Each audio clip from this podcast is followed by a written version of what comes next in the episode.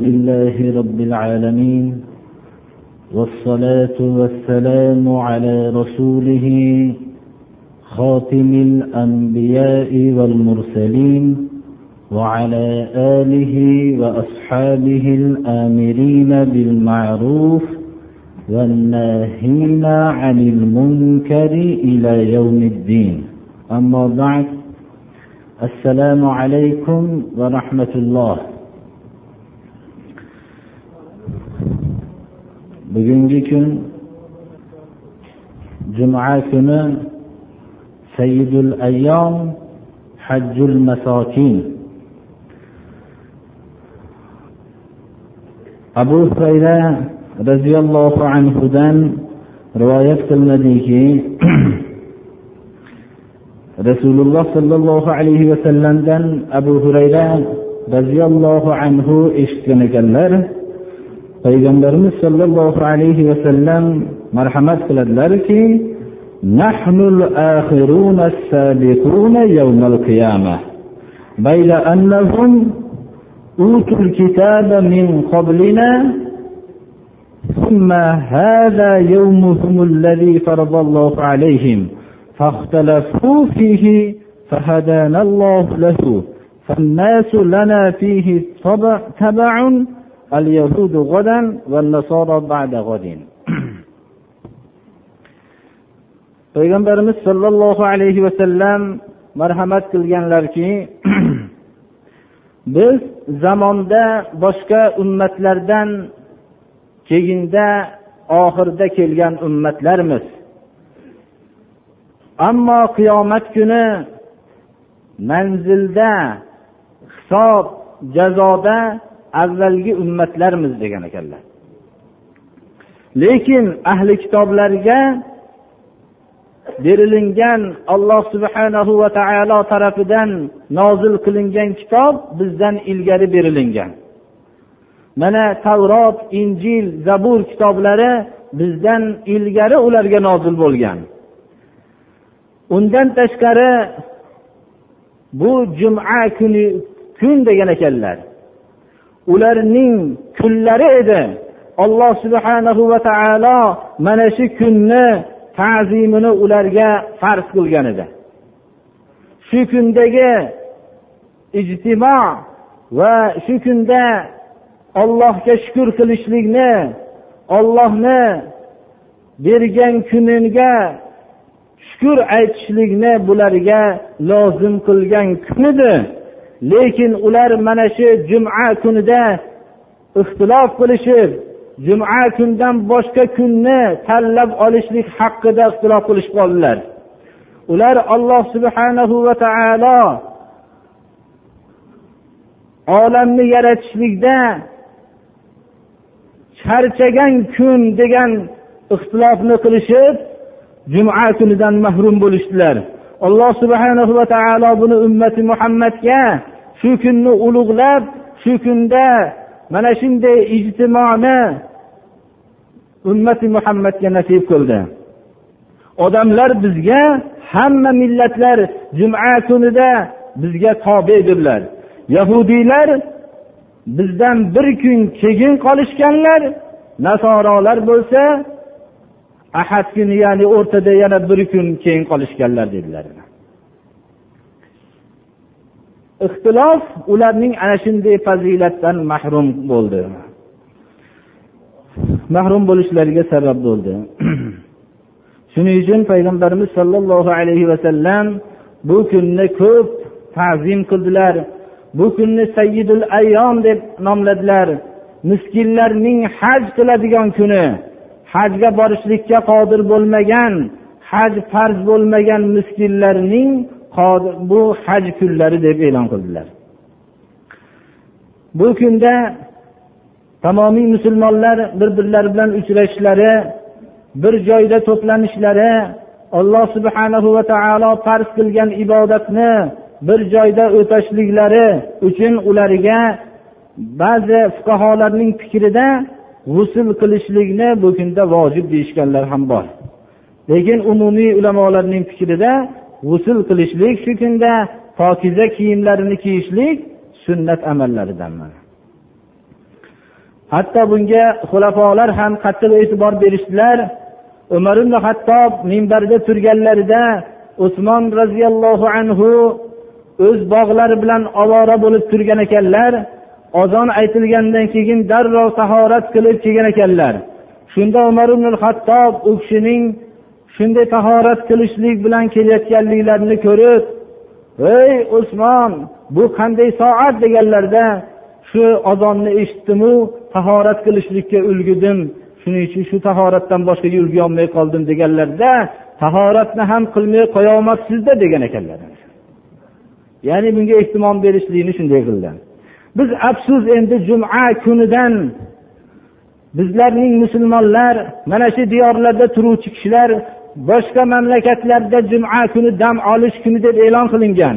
Musulmonlarning bu kuni eng bayram kunlari. Lekin bizlar u narsadan hozircha mahrummiz birodarlar. Alloh subhanahu va taolo juma shiorini bizlarga ham shu shiorni ulug'lashlikka alloh tavfiq bersin. Parvardigor mana shu kunimizni bayram qilolmaydigan sharoitni muhayyo qilib bersin parvardigor.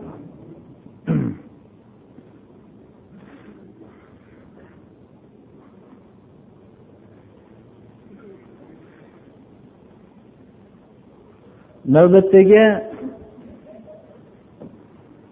biz dars qilib qisqa suratda bo'lsa ham tafsir qilib kelyapmiz juma kunlarida. Navbatdagi tafsir qilmoqchi bo'lgan suramiz suratul inshiqoq.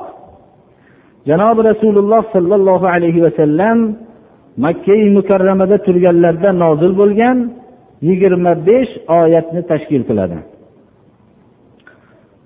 Sura qiyomat kunidagi olam muvozanatining tubdan o'zgarishligini bayon qilishlik bilan boshlanadi.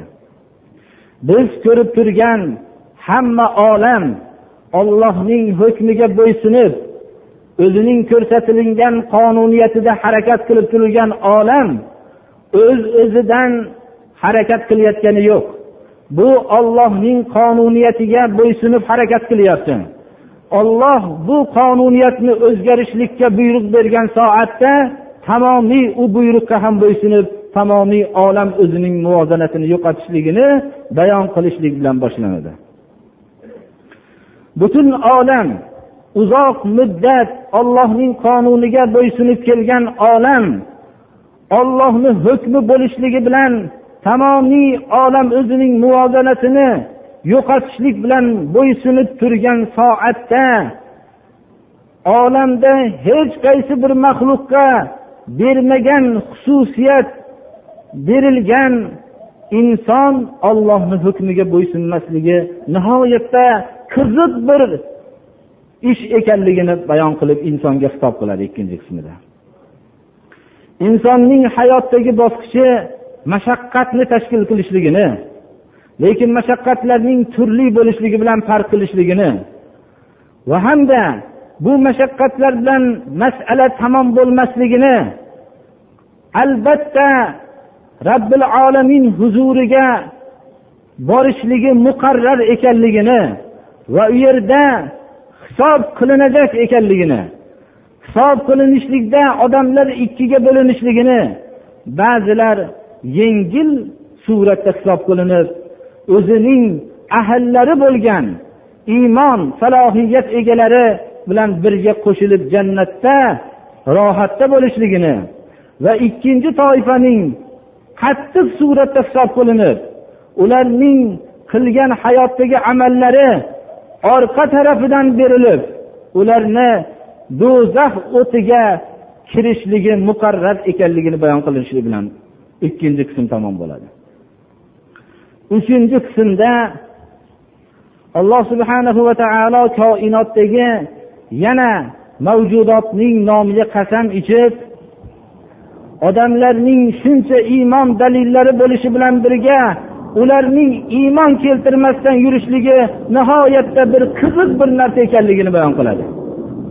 Ularga qur'ondagi hukmlar tilovat qilib berilganda ollohning hukmiga bo'ysunmasligi qiziq bir narsa ekanligini bayon qiladi. Buning sababi kofirlar o'zlarining tabiatlari islom tarafidan kelgan har qanday buyruqni yolg'on deyishlikka odatlanganliklari ekanligini bayon qilinadi. Lekin iymon keltirgan kishilar amali solih qilgan kishilarga tugalmas ajrlar bo'lishligini bayon qilishlik bilan sura oxiriga yetadi birodarlar. suraning qisqacha mazmuni shundan iborat olloh qodir qilguncha ba'zi tafsil bilan tafsir qilamiz بسم الله الرحمن الرحيم إذا السماء انشقت وأذنت لربها وحقت وإذا الأرض مدت وألقت ما فيها وتخلت وأذنت لربها وحقت qiyomatda qiyomat boshlanishligidan ilgari alloh subhanahu va taolo butun olam o'zining muvozanatini yo'qotishligini bayon qilib mana shu kalima bilan boshlaydi. Osmon yorilsa alloh subhanahu va taolo osmonning yorilishligiga buyruq berishligi bilan osmon yoriladi. Osmonning qaysi suratda yorilishligini bizga bu g'ayb masalasi. Oyat hadislarda ko'rsatilingan narsadan biz tashqariga chiqa olmaymiz. Osmonning yorilishligi haqida suratul infitor suratida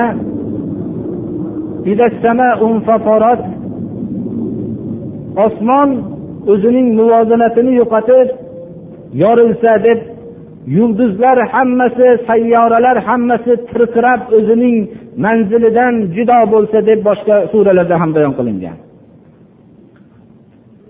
Sura ar rahmonda billah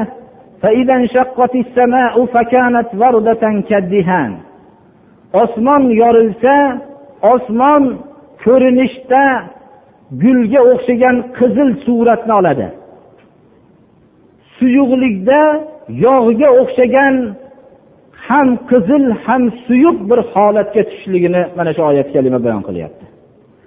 Biz mana shundan boshqa mazmun berishlikka bizni haqqimiz hozircha yo'q. Chunki osmonning yorilishligini kayfiyati qanday bo'lishligini faqat bu oyat kalimada bayon qilinyapti kayfiyati bizga qorong'i lekin xullas osmon alloh subhanahu va taoloning buyrug'iga bo'ysunib yorilsa va o'zining tarbiyat kunandasi ming ming yillardan beri uning tarbiyat qilib kelayotgan tarbiyat kunandasining hukmiga itoat qilsa albatta itoat qilishlik haqlik hamdir. Itoat qilmasdan boshqa osmonning chorasi yo'qdir.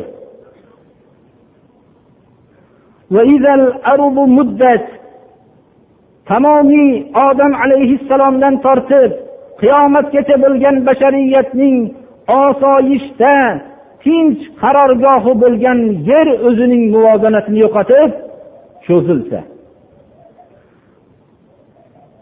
Olimlarning bayon qilishicha qur'oni karim ishoralari bilan bildiriladi yerning agarki tuxumsimon shakli uning cho'zilishligi natijasida qaysi holatda cho'zilishligi bizga noma'lum lekin yerning cho'zilishligi alloh subhanahu va taoloning bayoni bilan muqarrardir mana. Yer o'zining osoyishta bo'lib turgan muvozanatini yo'qotib cho'zilsa o'zining ichiga joylagan hamma narsasini tashqariga uloqtirsa va ichidagi hamma narsadan xoli bo'lsa yerning ichida tamomiy odam alayhissalomdan tortib qiyomatgacha bo'lgan insonlar jasadi yotdi. Mana shu narsalarning hammasini yuzasiga uloqtiradi. Undan tashqari yer ostidagi hamma qazilma boyliklarni hammasini uloqtiradida ana shu ichidagi narsalardan hammasidan xoli bo'lib judo bo'lsa va o'zining uzoq vaqtdan beri osoyishta qilib tarbiya qilib turgan tarbiya kunandasining hukmiga bo'ysunsa albatta bo'ysunishligi haqlik. Bo'ysunmasdan boshqa chorasi yo'q. Ana qiyomatdagi koinotning qanchalik alloh subhanahu va taoloni hukmiga bo'ysunib turganligi bir tarafda osmon o'zining muvozanatini yo'qotib bo'ysunib turganligi yer o'zining muvozanatini yo'qotib turib bo'ysunib turgan muhitda alloh subhanahu va taolo insonga xitob qiladi يا أيها الإنسان إنك كادح إلى ربك كدحا فملاقيه ey inson Ey mavjudot o'rtasida rabbiga itoat qilishlikda boshqalarga berilinmagan xususiyatlar berilingan ey inson! Ey butun borliqda hech qaysi olamga berilinmagan xususiyatlar berilingan inson! Ey olloh subhanahu va taolo tarafidan ruh kirgizilingan ey inson! Yer yuzidagi hamma narsani hojasi qilib jo'natilingan alloh subhanahu va taoloning hukmini ijro qilishlik uchun yerda xalifa qilingan ey inson sen o'zining o'zingning hayot bosqichingni o'tkazayotgan vaqtingda yerdagi hayotingni bosqichini bosib o'tayotganingda mashaqqat bilan rabbing tarafiga yo'l olasan. Insonlar mashaqqatdan hayot yerdagi hayot bosqichlarida xoli bo'lolmaydilar. Ular agar dunyolari bo'lmasa ham mashaqqatda yashashadilar. Dunyolari bo'lsa ham mashaqqatda yashashadilar. Qo'l kuchlari bilan bo'lsa ham mashaqqatda yashashadilar. Fikriy kuchlar bilan bo'lsa ham mashaqqatda yashashadilar. Ular hayotdagi bosqichni mashaqqatsiz o'tkazisha olmaydilar. Lekin bu mashaqqat bilan masala tamom bo'lmaydi. Shu mashaqqat bilan hech qaysi tarafga ketisholmaydilar rab taolo tarafidan boshqa tarafga. Rab taolo tarafiga yo'l olishib albatta robbil olaminga ro'baru bo'lishadilar bo'ladilar. Albatta robbil olaminga ro'baru bo'luvchisan robbil olaminga ro'baro bo'lishlik bilan masala tamom bo'lmaydi. Odamlar hammalari mashaqqatning turli tuman bo'lishi bilan birga hayot bosqichlarini o'tkazishlari bilan birga lekin oxiratda ular ikki sinfga bo'linishadilar. Birinchi sinf فأما من أوتي كتابه بيمينه فسوف يحاسب حسابا يسيرا وينقلب إلى أهله مسرورا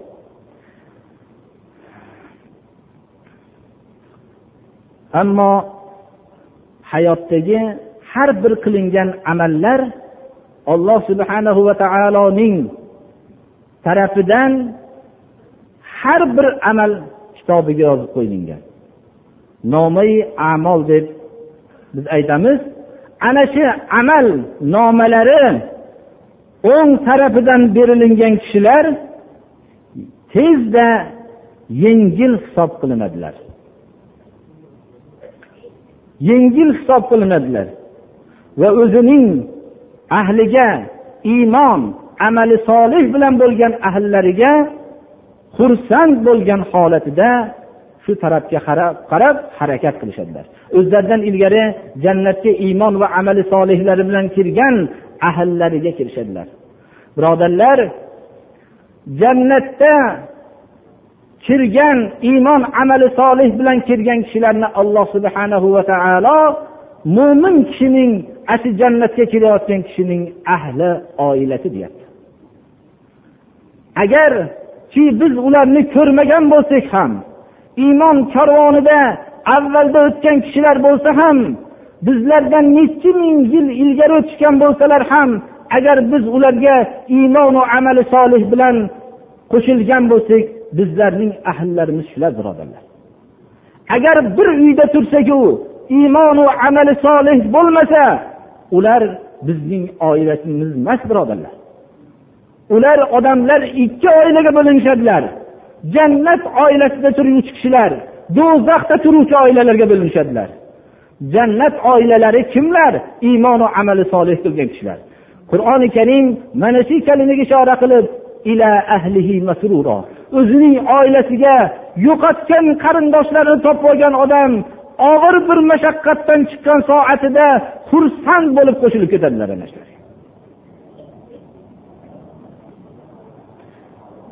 Oysha roziyallohu anhodan rivoyat qilinadiki bu kishi aytadilarki rasululloh sollallohu alayhi vasallam aytdilarki biror kishi hisob qilinadigan bo'lsa halok bo'ladi dedilar. Hisob qilingan kishi najot topolmaydi dedilar. Oysha siddiq onamiz qur'on ruhi bilan sug'orilingan ayol edilar. U kishi qur'oni karimni hujjat qilib janob rasululloh sollallohu alayhi vasallamdan bu so'zlarni tushunolmasdan so'radilarki قلت يا رسول الله جعلني الله فداءك أليس يقول الله عز وجل فأما من أوتي كتابه بيمينه فسوف يحاسب حسابا يسيرا yo rasululloh sizning qurboningiz bo'lay alloh subhanahu va taolo qur'oni karimda nomi amollari o'ng tarafdan berilingan kishilar yengil hisob qilinadi deyapsizu siz hisob qilingan odam albatta halok bo'ladi deyapsiz. Deganlarda janobi rasululloh sollallohu alayhi vasallam javob qilgan ekanlarki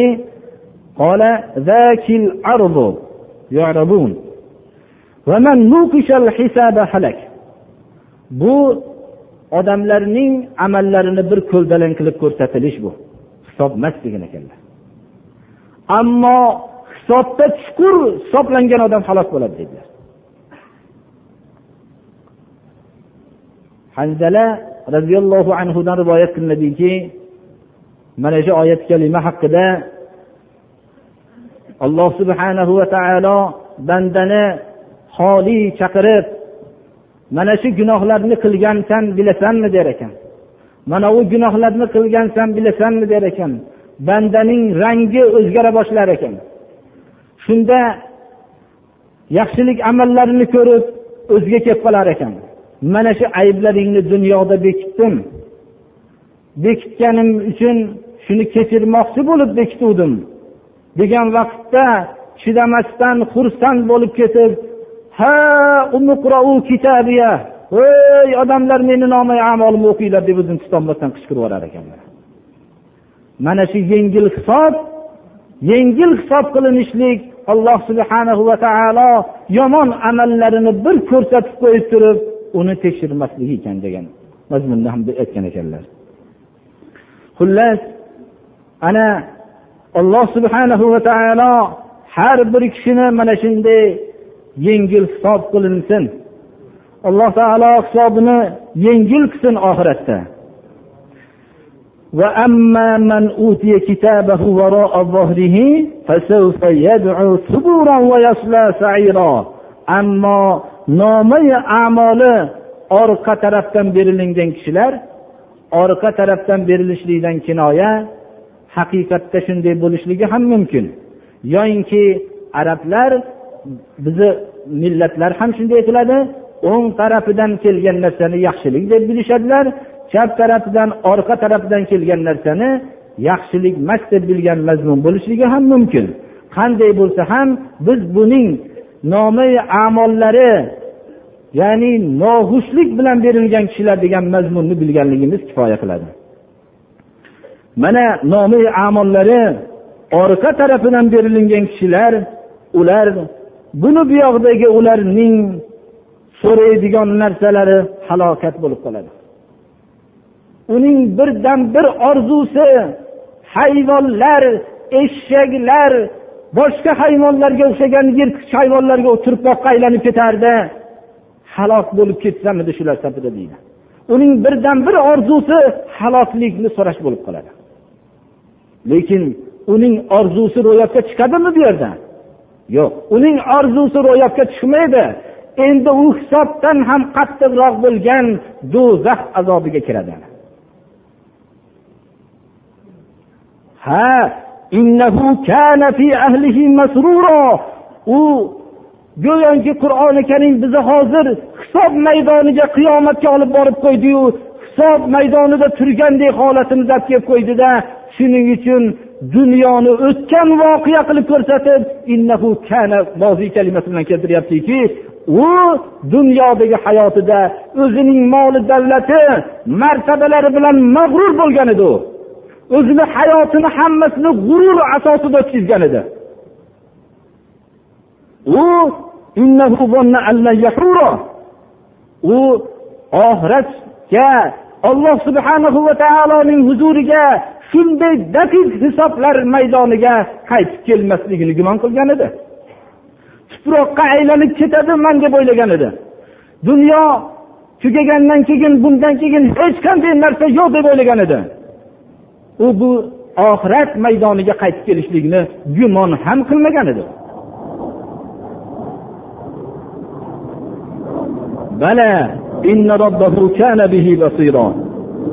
Yo'q.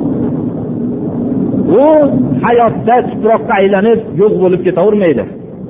albatta uning shuncha dunyoda uning tarbiya qilgan u uchun tamomiy olamni yaratib uni tarbiya qilib turgan zot albatta uni ko'rib turgan har bir amalini ko'rib turgan mayda bekitib qilgan amallarini ham ko'rib turgan ana shu hisobda biladi ko'rib turganligini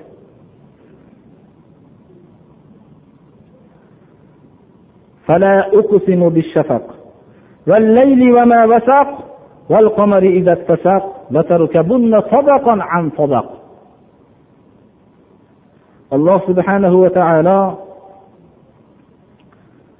shafaqqa qasam ichyapti shafaq kun botgandan keyingi ko'ringan qizillikni aytamiz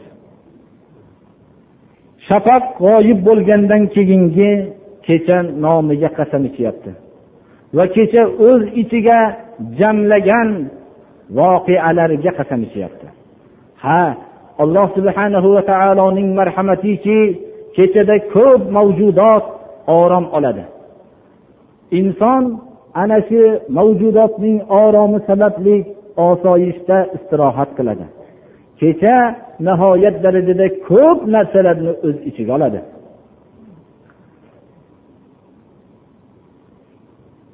Va kechadagi o'zining nurini hammasi barkamol bo'lgan to'lin oyga qasam. Oyning to'lin oyning kechada qorong'i kechada kuzatishlik osoyishtalik bir latofat yumshoqlik belgisidir birodarlar. Ana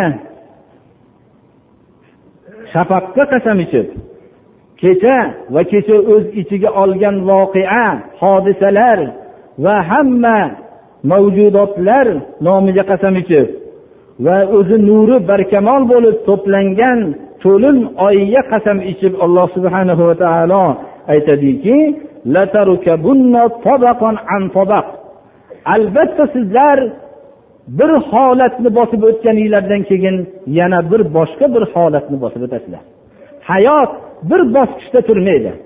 Hayotning turli holatlariga turli hodisalariga sizlar duchor bo'lasizlar albatta. Buni alloh taolo qasam bilan aytyapti. Bir hodisaga giriftor bo'lishlik bilan masala hal bo'lmaydi. Xuddi shafaq vaqti kirishligi bilan kun botdi hayot tugadi demaymiz. Shafaq g'oyib bo'lgandan keyin endi hayot tamom bo'ldi bundan keyin olamda boshqa voqea sodir bo'lmaydi demaymiz kecha kirib keladi. Kecha o'z ichiga jamlagan narsalar bilan kirib keladi. Kechadan keyin yana kechaning ma'lum bir bosqichida oydin kecha kirib keladi. Oydin kecha bo'lishlik bilan yana masala hayot tamom bo'lmaydi. Undan keyin yana davomat boshlanaveradi hayotdagi bir bosqichni bosib o'tib g'oya oxiriga yetib borishlik ikkinchi bir bosqichlik boshlanmasi bo'ladi. Sizlar ham hayotni tugashligini o'limni hayotning tamom bo'lishi deb o'ylamanglar. Sizlar hayot bosqichi tugashlik bilan o'lim bosqichini boshlanishligi bilan qabr bosqichi boshlanadi. Qabr bosqichi tugashlik bilan masala tamom bo'lmaydi qiyomat boshlanadi. Qiyomat masalasi tugashlik bilan masala tamom bo'lmaydi daqiq hisob kitob boshlanadi. Hisob kitob tamom bo'lgandan keyin odamlar ikki oilaga bo'linishadilar. Jannat ahllariga do'zax ahllariga. Har bir bosqichning oxiriga yetib borishligi ikkinchi bosqichning boshlanmasi bo'ladi. Qasam shafaqqa qasam o'z ichiga olgan voqealar bilan bo'lgan kechaga qasam o'zining nuri to'plangan to'lin oyga qasam ichib aytyaptiki alloh taolo. Albatta sizlar bir holat hayotning bosqichini bosib o'tganinglardan keyin keyingi ikkinchi bir bosqichiniga ro'baru bo'lasizlar.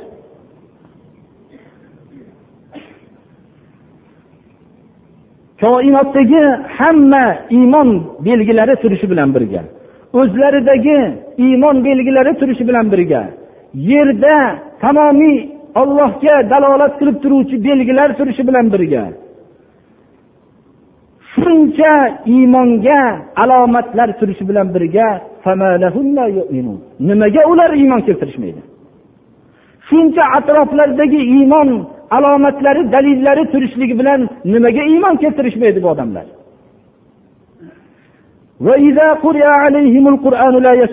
Nimaga ularga qur'on tilovat qilib berilganda itoat qilishmaydilar itoatning ramzi bo'lgan sajdani qilishmaydilar?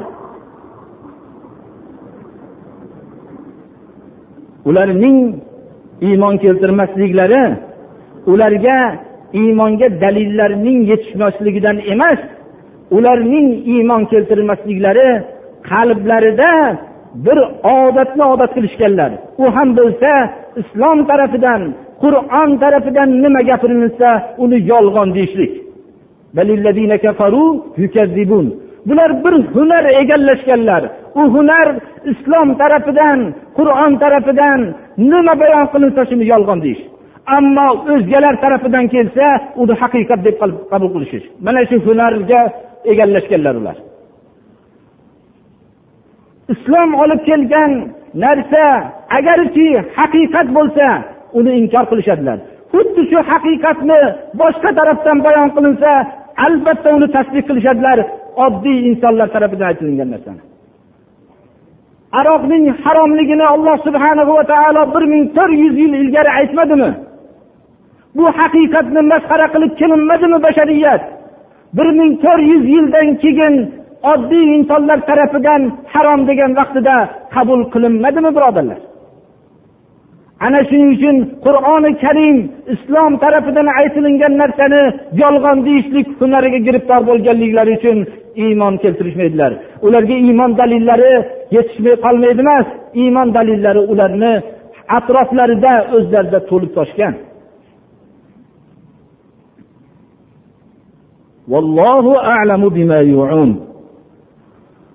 Olloh ularning qalblarida joylagan narsani hammasini biluvchiroqdir. Olloh tashqaridagi amallar emas ichlarida bekitgan narsalarni ham biluvchidir. O'zlaridan ham biluvchiroqdir alloh taolo. O'zlarining eslaridan chiqib qolsa ham ollohning esidan chiqmaydi. Uni nomi amollariga yozib qo'yadi. Dunyoda qilgan amallarni olloh bilmayapti deb yashashsalar yaqin kunda daqiq hisobda ro'baru bo'lishganlarida olloh o'zlaridan ham biluvchiroq ekanligini bilishadilar. Dinni ular doim masxara qilishadilar. Din hukmlarini masxara bilan kutib olishadilar. Shuning uchun ey muhammad alayhissalom ularni bir shodlantirib qo'ying alamlantiruvchi azob bilan. Ularni bir xursand qilib qo'ying yaqinda kutib turgan bularni alamlantiruvchi azob bilan xursand qilib qo'ying.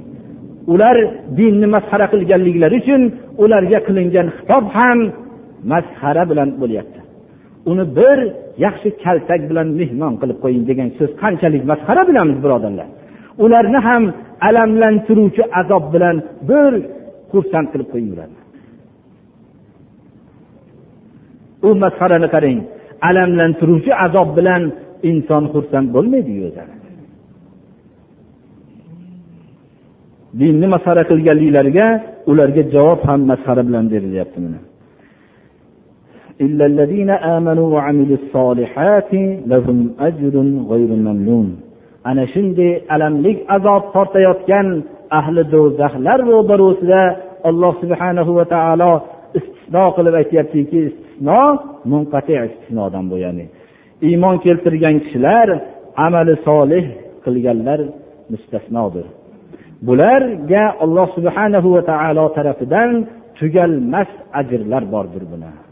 Olloh endi tugalmas ajr degandan keyin shuncha molikul mulk bo'lgan zot tugalmas ajr degandan keyin buni banda u mukofotning kayfiyatini o'zi o'lchab ololmaydi birodarlar.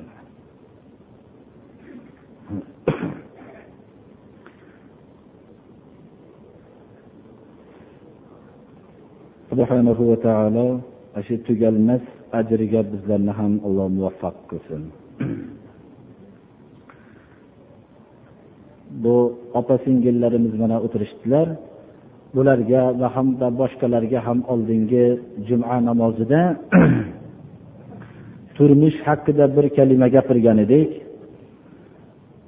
Turmush qiluvchi kishilar turmushga rag'batlari bo'lsa ota onalari turmushlarini yo'lini to'smasinlar. Bu gap hammalarga emas deyapti alloh taolo. Bu gap ollohga qiyomat kuniga unaganlar ta'sirlanadigan so'z deyapti. Go'yoki bizda o'rtamizda agar turmush qiladigan kishilar turmush qilmoqchi bo'lsa turmushlarini yo'lini to'sib turgan bo'lsalar menga shunday ishlar qiluvdi ana shunday degan narsalarni shariatga muvofiq bo'lmagan bahonalarni ko'rsatilsa go'yo qur'on ularga qaratib aytyaptiki bu sizlarga emas. Bu bu gap bilan sizlar ta'sirlanmaysizlar bu gap bilan ollohga qiyomat kuniga unaganlar ta'sirlanadigansiz degan qattiq tahdidini bayon qilyapti mana. Shuni aytib o'tgan edik birodarlar. Endi mabodo turmushni hamma odam xohlashligiga qaramasdan turmush buzilsa o'rtadagi holatlarni qur'oni karim bayon qiladi. Bir kalima shundan qo'shib ketmoqchimiz. Billah farzandlar bo'lgan holatda onalar farzandlarini ovqatlantirishadilar sut berib turishadilar.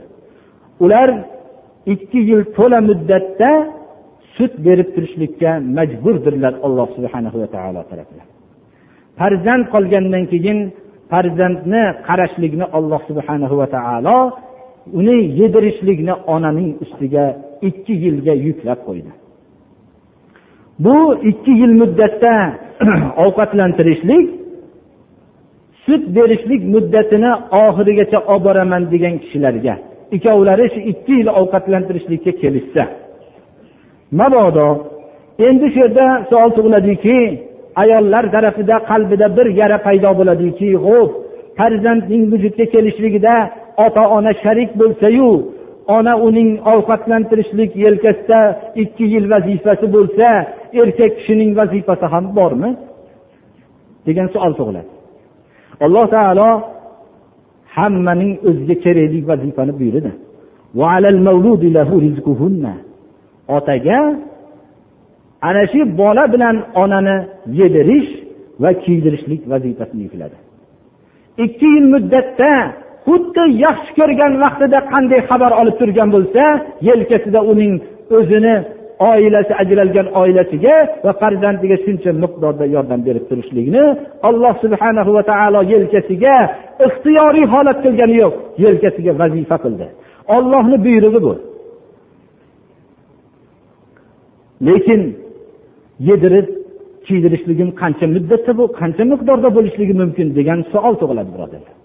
Alloh taolo o'rtacha miqdorda deb tayinladi. Uni haddan tashqari emas. Shunday surat paydo bo'lib qolishligi mumkinki mana bu yerda shuni aytib o'taylik. Kishini har birini o'ziga loyiq bo'lgan vazifaga taklif qilyapti alloh taolo. Onani yedirasan kiydirasan demadi. Otani sut berasan demadi. Ikkovining o'ziga muvofiq bo'ladigan vazifaga buyurdi. Haqiqatda onaga yedirib kiydirishlik og'ir edi. Otaga ko'tarib yurib uni qayerlarga borib sut yedir sut ichirsammikin ovqatlantirsamikin deb sut beradigan onani ayolni istab yurishlik bunga og'ir edi albatta. Lekin shunda ona ba'zi suratlar bo'ladiki ona mehribon bo'ladi farzandga. Farzandini otasi yedirib kiydirsa ham sut beraveradi yedirib kiydirmasa ham sut beraverishligi mumkin. Buni ota onaning mehridan foydalanib onani farzandi farzandi sababli zararlantirilmasin deyapti alloh taolo. Men yedirib kiydiradigan narsalarni olib bormasam ham baribir buni o'zini mehri baland farzandga shuni o'zi tarbiyalab voyaga yetkazaveradi deb ota beparvo bo'lmasin deyapti alloh bu hayotdagi suratlarning bittasi. Ikkinchi surat otaning mehri baland bo'lishligi mumkin onaning mehri yo'q bo'lishi mumkin. Bolangni ham olasan deb otaga tashlab ketishligi mumkin. Agar menga mana shuncha miqdorda narsa olib kelmasang farzandingni sut bermaymanu va uni tarbiya qilmayman deyishligi ham mumkin. Hayotda bu narsa ham topiladi. Shunga otaning mehrini balandligini bilib ona tarafidan ko'p nafaqa talab qilinmasin. O'rtacha miqdorda talab qilinsin mabodo ota o'tib ketgan bo'lsa alloh subhanahu va taolo farzandni o'rtaga tashlab qo'ymaydi. Otaning merosxo'riga otaning vazifasini yuklab qo'yyapti. Merosxo'rga otaning merosxo'riga shuncha vazifa yuklanadi.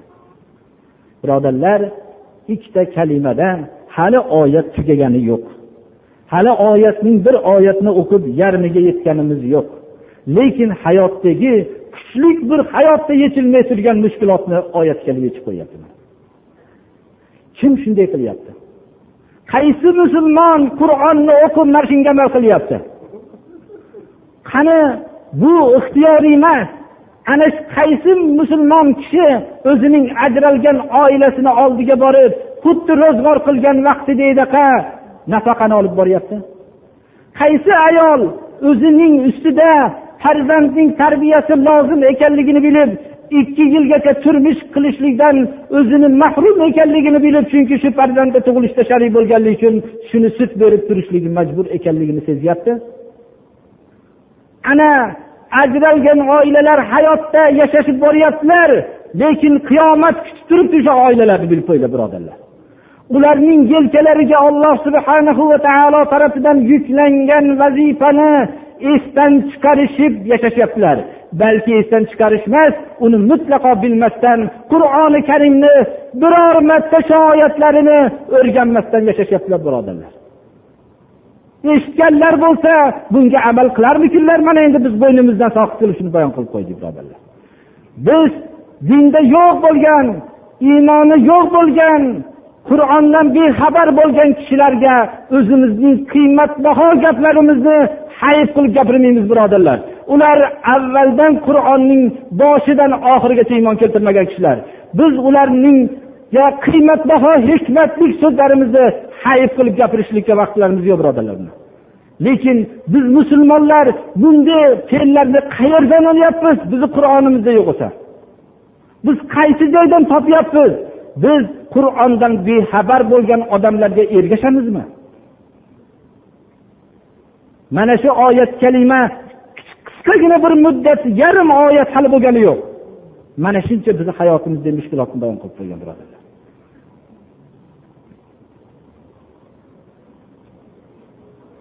Opa singillar eshitib olinglar bu narsani. O'zinglar hayotinglarda mana shu narsani tadbiq qilishlikka urininglar. Bu oyatni gapirishdan ilgari eshitmadim degan narsani uzr qilishinglar mumkin edi. Ammo odamzodni hammasini aybi bo'ladi. Ana shu ayb bilan insondir. Ayb bo'lmaganda uni inson demasdik biz buni.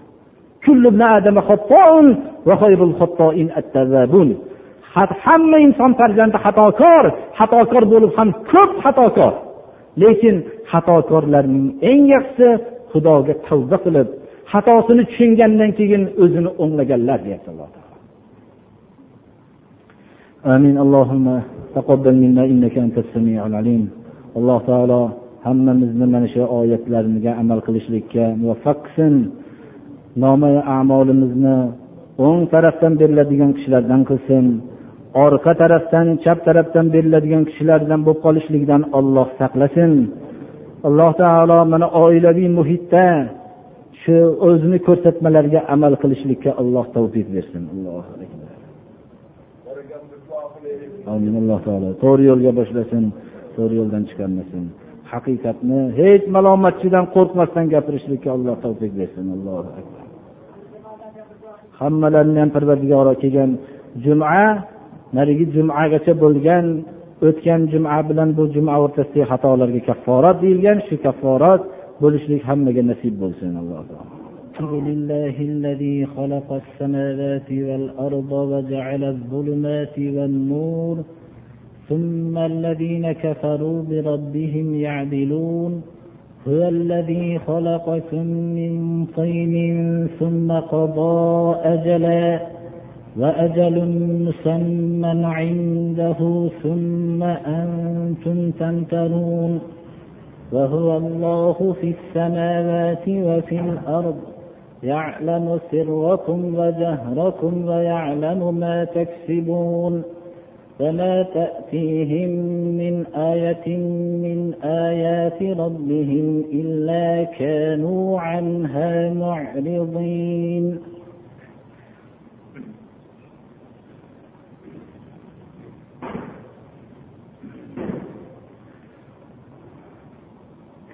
الحمد لله رب العالمين والصلاة والسلام على رسوله خاتم الأنبياء والمرسلين وعلى آله وأصحابه أجمعين. أعوذ بالله من الشيطان الرجيم. بسم الله الرحمن الرحيم. فأما من أوتي كتابه بيمينه فيقول هاؤم اقرءوا كتابيه إني ظننت أني ملاق حسابيه فهو في عيشة راضية في جنة عالية قطوفها دانية كلوا واشربوا هنيئا بما أسلفتم في الأيام الخالية. وأما من أوتي كتابه بشماله فيقول يا ليتني لم أوت كتابيه ولم أدر ما حسابيه. يا ليتها كانت القاضية. ما أغنى عني مانية. هلك عني سلطانيه. Alloh taolo mana shu oyatda nomai amollari o'ng tarafidan berilgan kishilar xursandlikdan qichqirib yuborar ekanki ey odamlar meni kitobimni o'qinglar. O'zi beixtiyor atrofini hammasini esdan chiqarib xursandlikdan qichqirib yuborar ekan. Men hisobga ro'baru bo'lar ekanman deb o'ylovdim butun hayotdagi tashvishim hisobim qanaqa bo'lar ekan deb o'ylardim. Alhamdulillah hisobsiz o'tib ketdim deb xursand bo'lar ekan. U ana shunday oliy bog'larda mevalari unga hech qiyinchiliksiz uzilib uzib oladigan joylarda shunday istirohatlarda bo'ladi deydi alloh taolo. Ammo nomai amoli chap tarafdan berilgan kishi shunda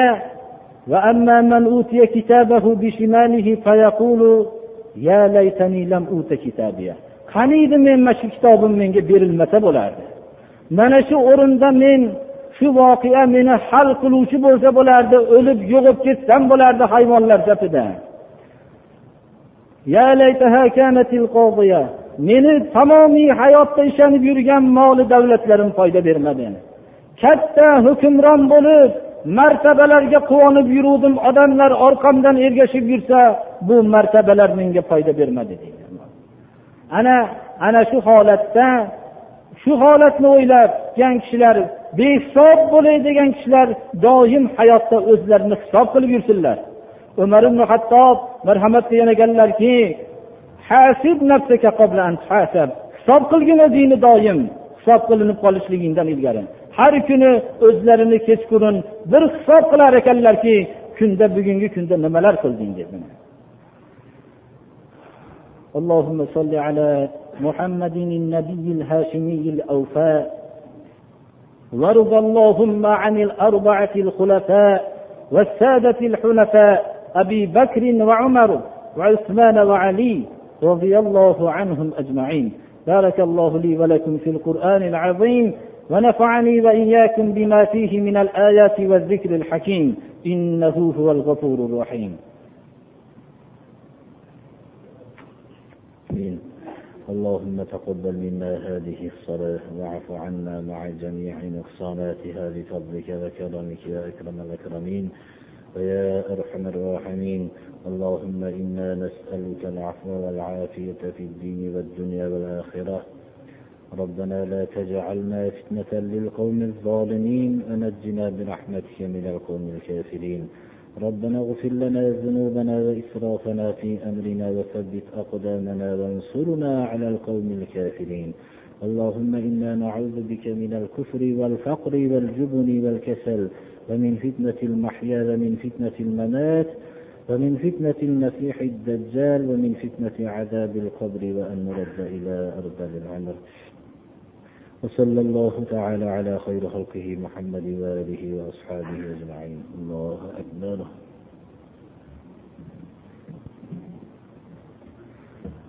أعوذ بالله من الشيطان الرجيم. بسم الله الرحمن الرحيم.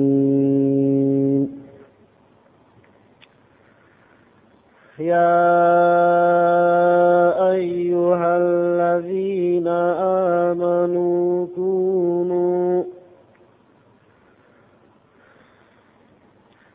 يا أيها الذين آمنوا كونوا أنصار الله كما كما عيسى بن مريم للحواريين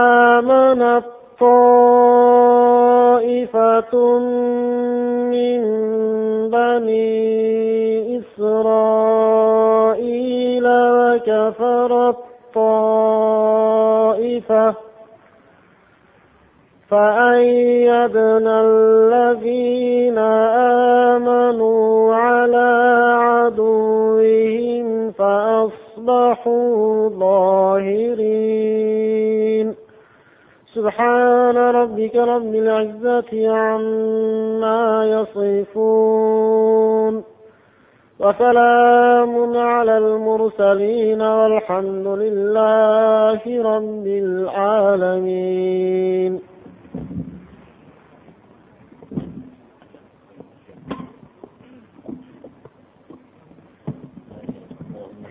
منا إنك أنت السميع العليم. ربنا اغفر لنا ولإخواننا الذين سبقونا بالإيمان. ولا تجعل في قلوبنا غلا للذين آمنوا ربنا إنك رؤوف رحيم الله أكبر muhtaram jamoat oldingi jumada mana oxirgi hasharimiz deb e'lon qilgan edik alhamdulillah shu kuni yaxshi birodarlar katta yordam berishdilar hammalariga ham allohni rizosi bo'lsin biz mukofotini berolmaymiz alloh taolo shuni mukofotini o'zi bersin Endi shu biz boshqa e'lon qilmaymiz deganmiz. Shu e'lonni qilmaymiz. Shunchalik bizga muhtoj bo'lgan kishilar endi ustalarni ishini to'xtatib turgan edik ba'zi hashar ishlar bilan.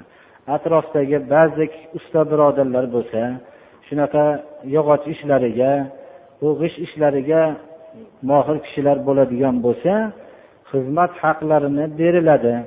Shuga kelib yordam bersalar shu yomg'irga qilmasdan yopib olsak ayvonda keng nima qilib tursak ham besh vaqt namozni shu xonaqoda pollarni o'qib turamiz degan mo'ljal bor.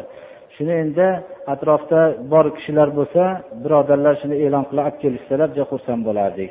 Bu yerda mana ustalar boshchiligida bo'lib ishlarni taqsimlab beriladi shularni bajarib berishadilar. Iloji bo'lsa uch to'rtta bo'lib kelishsalar biror bir qismni bo'lib berilsa shuni bajarishsalar tezroq bo'lib ketardi. Alloh taolo hammamizni ham parvarga to'g'ri yo'lga boshlasin allohu akbar.